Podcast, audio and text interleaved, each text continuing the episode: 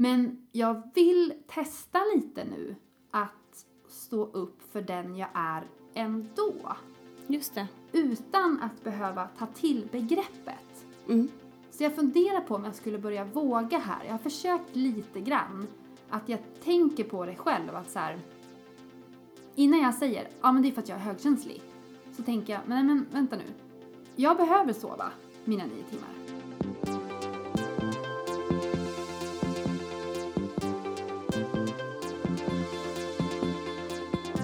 Du lyssnar på HSP-podden med Leverby och Klar. Hej och välkommen till HSP-podden med Leverby och Klar. Podden som vänder sig till dig som är högkänslig eller känslig. Och vad menar vi då när vi pratar om personlighetsdraget högkänslighet? Jo, eh, vi menar den som har ett känsligare nervsystem än 80% av befolkningen. Den som bearbetar och processar saker på djupet, som har starkare uppfattningsförmåga, som tar in intryck lättare och ofiltrerat. Den som är mer känslig, för till exempel smärta och höga ljud och därför har lättare att bli överstimulerad i vardagliga situationer.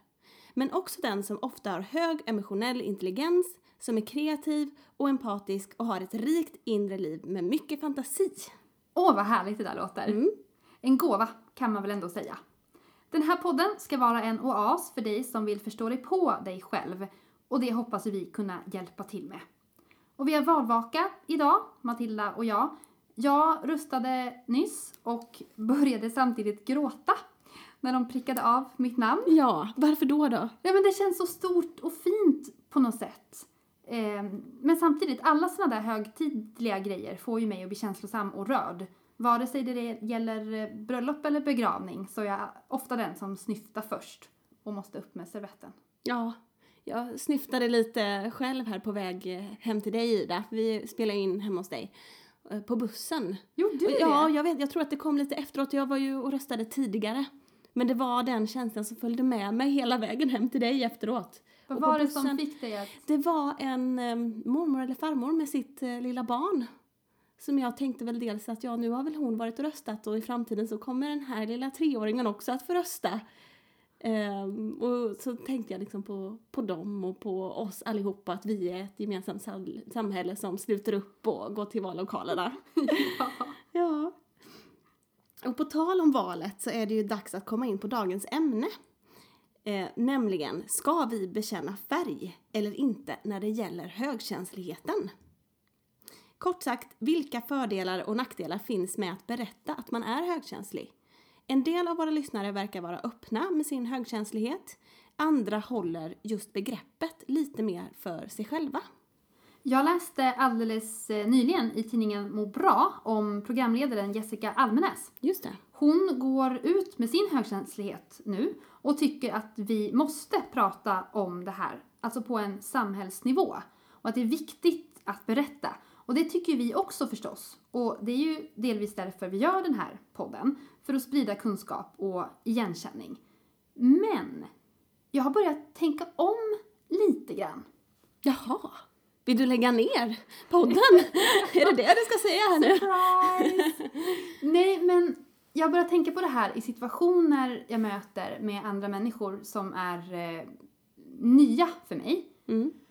Och förut så har jag liksom eh, tagit till högkänsligheten som, ett, som en förklaring för att jag är som jag är. Nästan inte...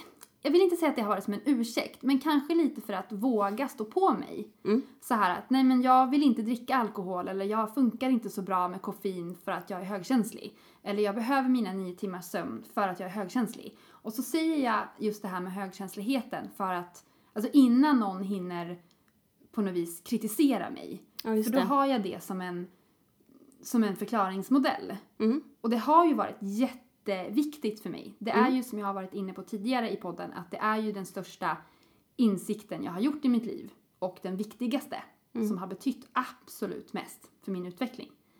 Men jag vill testa lite nu att stå upp för den jag är ändå. Just det. Utan att behöva ta till begreppet. Mm. Så jag funderar på om jag skulle börja våga här. Jag har försökt lite grann. Att jag tänker på det själv. Att så här, innan jag säger ja men det är för att jag är högkänslig så tänker jag, men, men vänta nu. Jag behöver sova mina nio timmar. Mm. Jag tycker inte om att dricka alkohol så mycket. Jag har problem med intryck när det blir för mycket ljud och ljus.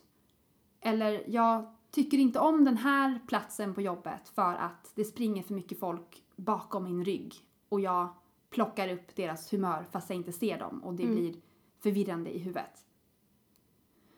Och jag tänker att det kan ju kanske finnas fördelar med det för att Mm. jag märker ju när jag slänger ut begreppet bara sådär att folk blir... Alltså om de inte vet vad det är då känns det som att det ändå inte är någon idé. Nej, Eller att det är det de går och funderar på. just det. Som om jag säger så här, ja men jag är högkänslig och därför behöver jag sova. Då kan jag nästan se hur det i den personens huvud pågår någon slags inre process. Ja. Är hon sjuk? Har Mm. hon en diagnos? Vad är det här? Mm, just det. Och att det kanske bara blir krångligt. Ja, och någon som verkar hålla med dig lite grann här är ju Elin Lundberg som är psy- psykoterapeut som, och, och hon är också specialiserad på högkänslighet. Hon har varit inne på det här vid flera tillfällen när vi har pratat med henne. Att man kanske inte alltid behöver hävda sin högkänslighet när man berättar om sina behov. Jag tänkte att vi kunde lyssna lite på ett klipp där hon eh, förklarar lite varför man kanske inte alltid ska berätta för andra om att ens barn är högkänslig som tangerar det här lite grann. Här kommer Elin Lundberg. Det finns ju en sån liksom glädje och lättnad i att upptäcka det här begreppet. Man blir ju nästan lite förälskad. Det är som en, en, eh, en fas när man bara blir lycklig man tänker på högkänslighet. Där är jag. Där är du, ja. Och då kan det vara lite jobbigt om det sitter någon tant och säger att man inte ska säga att barnet är högkänsligt och att det kan finnas nackdelar och sådär. I Sverige har vi ju ja, inte kommit så långt i diskussionen och heller inte kommit så långt i motdiskussionen. Men i Danmark till exempel så har det pågått mer högljudda, vilda diskussioner och där har forskarvärlden gått in och, och haft åsikter och synpunkter så. Det är kanske inte så- sånt som folk som lyssnar på en HSP-podd HSP vill, vill höra att eh, HSP-fanan kanske inte alltid är det som hjälper ens barn.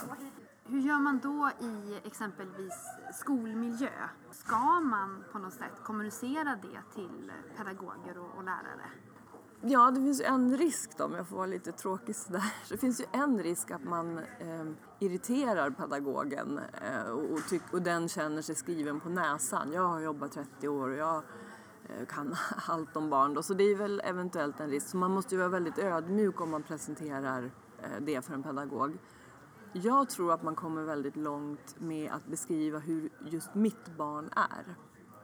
Eftersom det då är kanske 20 av barnen som är högkänsliga så kommer ju de inom den gruppen vara extremt olika och ha olika av olika av de här karaktärsdragen. Så att det man behöver liksom ta, ta kraft i och våga göra är ju att be om tid med personalen och beskriva så här funkar Pelle upplever vi det. Och vi tror att Pelle behöver ungefär det här. Ka- Kan vi hjälpas åt att få det? Och sen om man känner att man får mer krut om man kan förklara högkänslighet och så, så kan väl det vara en, en bonus. Jag tror man får känna in hur nyfiken personalen är. Man kan ju, man kan ju säga att jag själv är så här och, och det finns ett begrepp som heter högkänslighet och det känner jag igen mig i. Eh, skulle kunna vara så att min unge har lite av det också. Men mer än att hålla på och berätta för andra att barnen är, mitt barn är så här för det är högkänsligt så kanske man mera ska våga stå upp för sitt barn i nya situationer. För där är ju inte normen, alltså skola till exempel, förskoleinskolning är ju gjort efter att barnen ska vara lite mer av det här wow, ny miljö, kul och börja utforska. Det är på något sätt något ideal och det gör ju högkänsliga barn som alla andra till slut. Och kan man bara få simläraren eller eh, fotbollstränaren eller nya förskolepedagogen att förstå att det tar lite längre tid kanske för mitt barn. Ja, men då, då, är man ju, då kan man jobba tillsammans sen. Ja, men man hör ju här att hon är ju inne på lite mer att utgå ifrån individen. Ja. Och hon pratade lite grann där om HSP-fanan. Ja. Och jag minns när vi träffade henne att jag blev lite provocerad av henne när hon sa så. Mm. Nu kan jag förstå det på ett lite annat sätt. Hur då?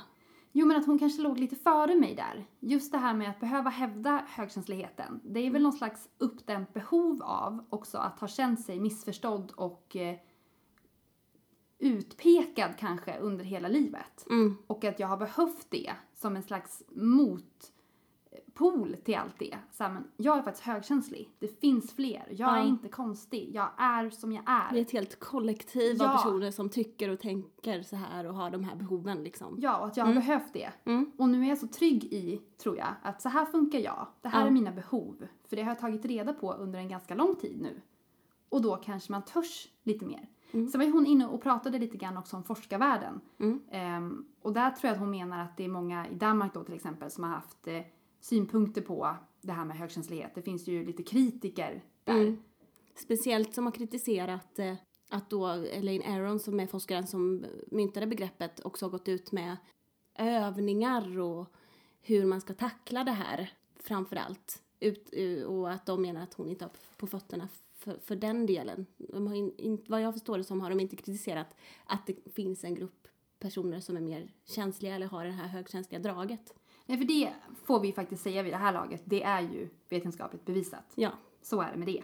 Men vilka för och nackdelar kan vi resonera fram till då att det finns när det gäller att berätta eh, versus då att inte göra det?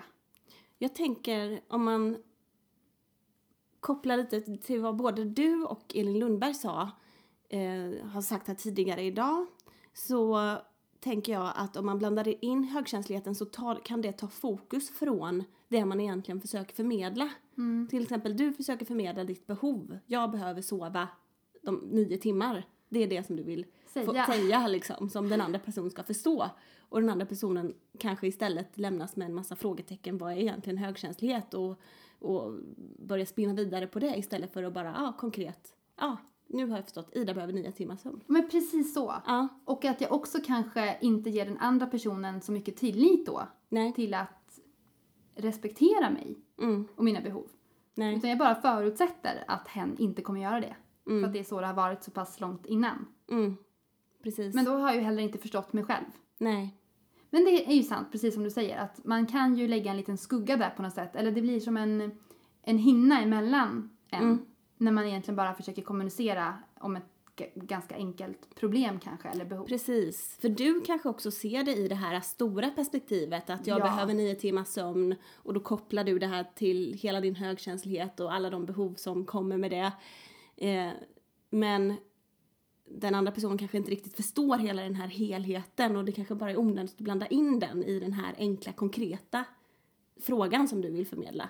Ja, och samtidigt som jag då tänker när jag berättar det så gör jag det för att det här är en grej, men det kommer finnas tusen andra. Så Mm. Ja. det är lika bra att du nu vet om detta. Ja. Så att du kan skaffa dig en liten HSP-palör. Just det. Men så slipper du. Så det är väl på den positiva, positiva sidan med att berätta är kanske att då behöver inte du förklara dig igen och igen och igen och igen. För att då Nej. kanske du kan lägga över ansvaret på den andra personen att nu får du, om man är så pass nära den här personen att det är relevant, eh, så får den här personen ta reda på mer. Så slipper du förklara dig om och om, om igen hur du fungerar. Ja, och det är väl lite så jag har tänkt. Men nästa sociala experiment ska vara att inte berätta och ändå vara tydlig med mina behov. Så får vi se om personer i min närhet som jag gör nya bekantskaper med lägger ihop ett och ett att det är något Ja, just det. som skiljer ut mig lite grann Ja. från övriga. Ja.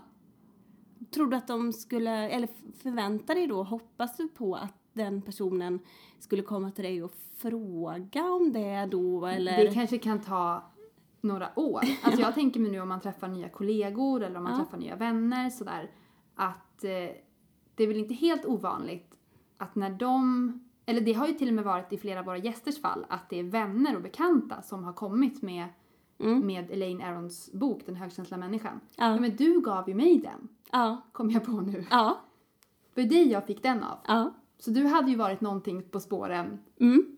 lite grann före jag var det. Ja, visst. Mm. Och kanske då testa om, ja egentligen varför ska jag göra det när jag ändå vet? Ja men det är väl lite mer bara att jag ska, att jag ska stå upp för mig själv. Ja. utan att snurra in sig. Och utan att gömma dig bakom HSP-begreppet eller? Ja, Mm. men med det sagt till alla ni som lyssnar, vi tycker ju naturligtvis att det är bra att mer kunskap sprids om personlighetsdraget. Precis. Och kanske framförallt kan jag tycka på arbetsplatser. Mm. För där finns det ju en poäng med att vara en del av någonting större. Mm. Att ni måste se till att det finns lite tysta miljöer eller att intrycken inte är så många. Mm. För det handlar ju om prestationer på jobbet som i sin tur är pengar. Ja. Och då tjänar väl alla på att alla får sina behov tillgodosedda. Ja, för det är inte bara en individ. Om det, om det inte är en väldigt liten arbetsplats så är det inte bara en individ som det handlar om. Utan det är ett mindre kollektiv ändå som berörs. Precis. Men om man nu vill förklara sin högkänslighet för en nybliven partner, vän, kollega, Mm. svärföräldrar, vilka det nu må vara. Vad ska man säga då? För jag tycker ibland att jag blir för snabb. Ja, Det kommer ut på fem minuter och så ser jag att den andra personen bara inte förstår. Tänker jag inte förstår. Eller typ Ja. vill gå hem. ja. Jag har faktiskt hittat en eh, liten lista här från Elaine Aron som ju mynt, myntade begreppet HSP. Eh, hur man kan ta sig an den här uppgiften då. Varför Ska- visste inte jag att den här listan fanns? Ja, eller hur? Eller hur? Men den har vi redan fram nu. Så hon tipsar då om den generell, först och främst en generell eh, förklaring på vad det här är. Eh, och då um, kan man säga till exempel att eh, eh, det här, alltså högkänsligheten, är en eh, normal biologisk eh, skillnad mellan individer i, inom personlighetsdraget då. Eh, och det är nedärvt till 15-20% av eh, alla eh, djur, även människor. Och de här personerna som har, eller är högkänsliga eller har det här personlighetsdraget, de märker av mer subtila nyanser och processar den här informationen djupare. Så det, är liksom, det var en, liksom, en generell kort förklaring bara vad det innebär för någonting. Vet du vad jag sa här om sistens? Nej, Till en ny bekantskap. vad sa du? Nej men du vet, jag skäms. Jag börjar prata på om att vi är mer benägna att vara deprimerade, Jaha. att ibland kanske till och med begå självmord. Oj! Ja men herregud. Oj! Eh, för att det är det, det, det sista Ellen skriver som en slags med en fas längst ner i den här tipslistan. Eh, eh, nu tar jag det här på engelska. And always, always emphasize the positive aspects. Ja, Så att du, du lät inte riktigt eh, Jag har inte lärt Elaine mig än. Råd där. fortsätt. Ja. Ehm, och, ehm, och sen då om man märker att de är intresserade då kan man ju berätta mer om liksom, vad det här är för någonting och så. Men man måste också man måste tänka på några andra grejer innan man, innan man ens säger det här. Och ehm, ett av dem är då att man måste eh, skräddarsy eh, den här förklaringen då. Och då kan man tänka på varför vill jag berätta eller ska jag berätta för den här personen? Och hur kommer den här personen troligtvis att reagera? Så man får ju liksom kalkylera lite innan man ens säger det här. Mm. Ehm, och, det, äh, och då skriver hon också att det finns väldigt många anledningar till att prata om högkänslighet. Ehm, man kanske vill att eh, bli behandlad annorlunda. Man, man kanske vill bonda med någon. Eh, och liksom dela någonting djupare om sig själv. Ehm, men de här olika förklaringarna eller anledningarna till att man berättar eh, behöver olika strategier. Men som att man måste känna av vem man har framför sig då. Ja, precis. Så det finns inte någon generell modell man kan använda på alla, utan man får liksom känna av varje person. Och då nämner hon också här en situation där det kanske är bäst att inte säga någonting alls. Och det är när man då har gjort de här kalkyleringarna. Hur, vem, varför vill jag berätta det här och hur kommer den personen ta emot det? Gör man, tänker man då att nej, men den här personen kommer nog inte ens att tro på det här. Tycker att det här är, det här är bara någon trend som vi har hört eh, en del prata om och sådär. Eller det här, om man redan känn, har på känn att det här kommer inte gå bra, då kanske man inte ska säga det alls. Nej, för det finns ju inget egenvärde i att på något vis bevisa sig själv eller hävda sig själv. Om den personen är så trångsynt får man väl ändå säga. Ja, Att den inte är mottaglig för någonting som ju är vetenskapligt bevisat. mm, då får väl det stå för den personen. Precis. Och varför ska man, ja, men varför skulle man vilja ge sig in i det då? Nej. Hur, och, det, och då kommer väl nästa steg där, hur tacklar man det om man det är någon, någon, en relation man fortfarande vill Mm. eh, fortsätta ha liksom. Men det är ju ett ämne som jag tror att vi kommer att kunna ta upp vidare här i podden. Mm. För vi har ju några exempel på lyssnare som vet vad man kan säga. Ja, Men det får komma lite som en, som en teaser ja. sådär till, till, till framtiden, ni Ja. som lyssnar. Vi har ännu fler tips på gång. Men jag börjar ju nästan alltid med det negativa. Mm. För jag tänker att det är där som det behövs. Ja, precis. Jag berättar ju sällan om varför det är så bra. Mm. För då känns det ju som att man står och skryter om sig själv. Ja, och det är väl där den här konstiga... Det blir en obalans där tänker jag, för att det som du har gjort nu de senaste åren eller året, när du har pratat väldigt mycket om att du är högkänslig och berättat det för folk, så har väl det ändå oftast varit i de här situationerna du har behövt berätta om dina behov. Mm. Och inte Åh, jag blev så eh, lycklig i själen idag för att jag såg en, eh, en fjäril eller någonting. Och jag, det här var nog, som du kanske tänkte då, det är nog min högkänsliga sida.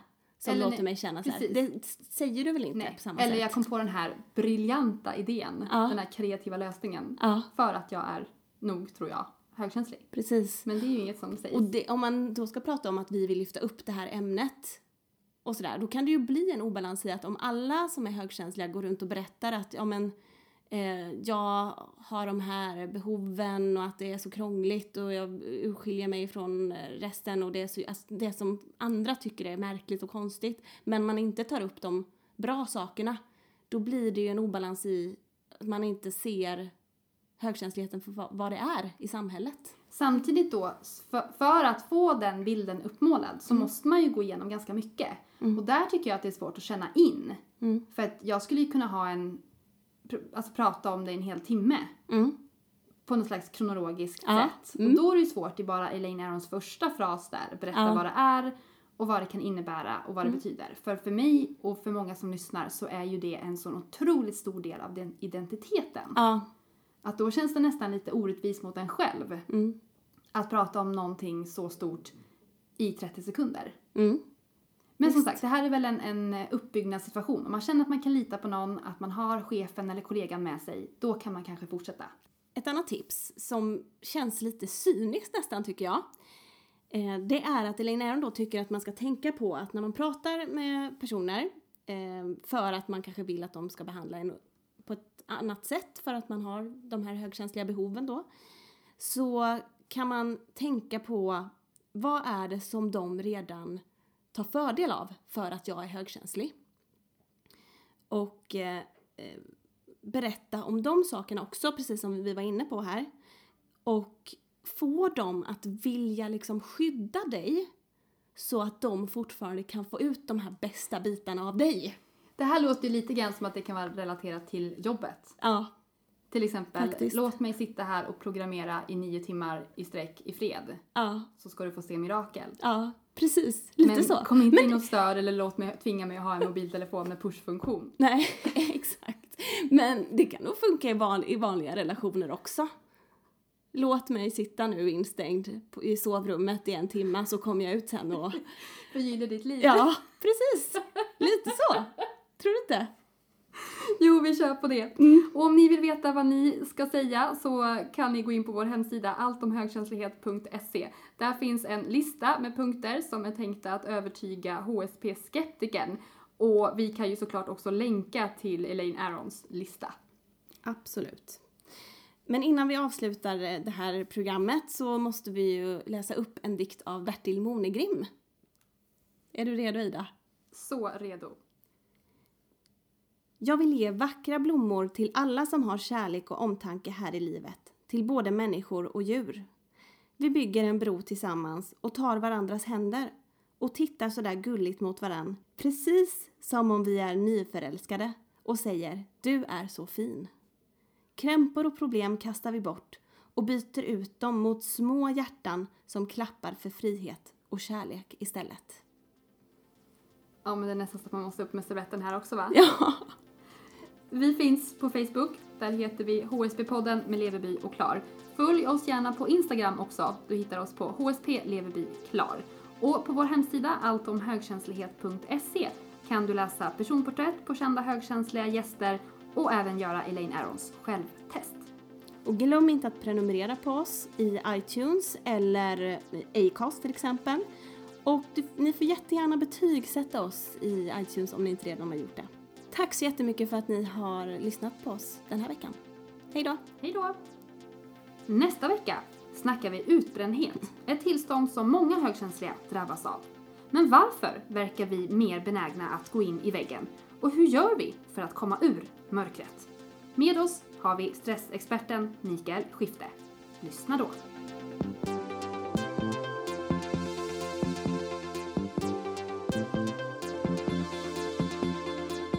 Du har lyssnat på HSP-podden med Leveby och Klar.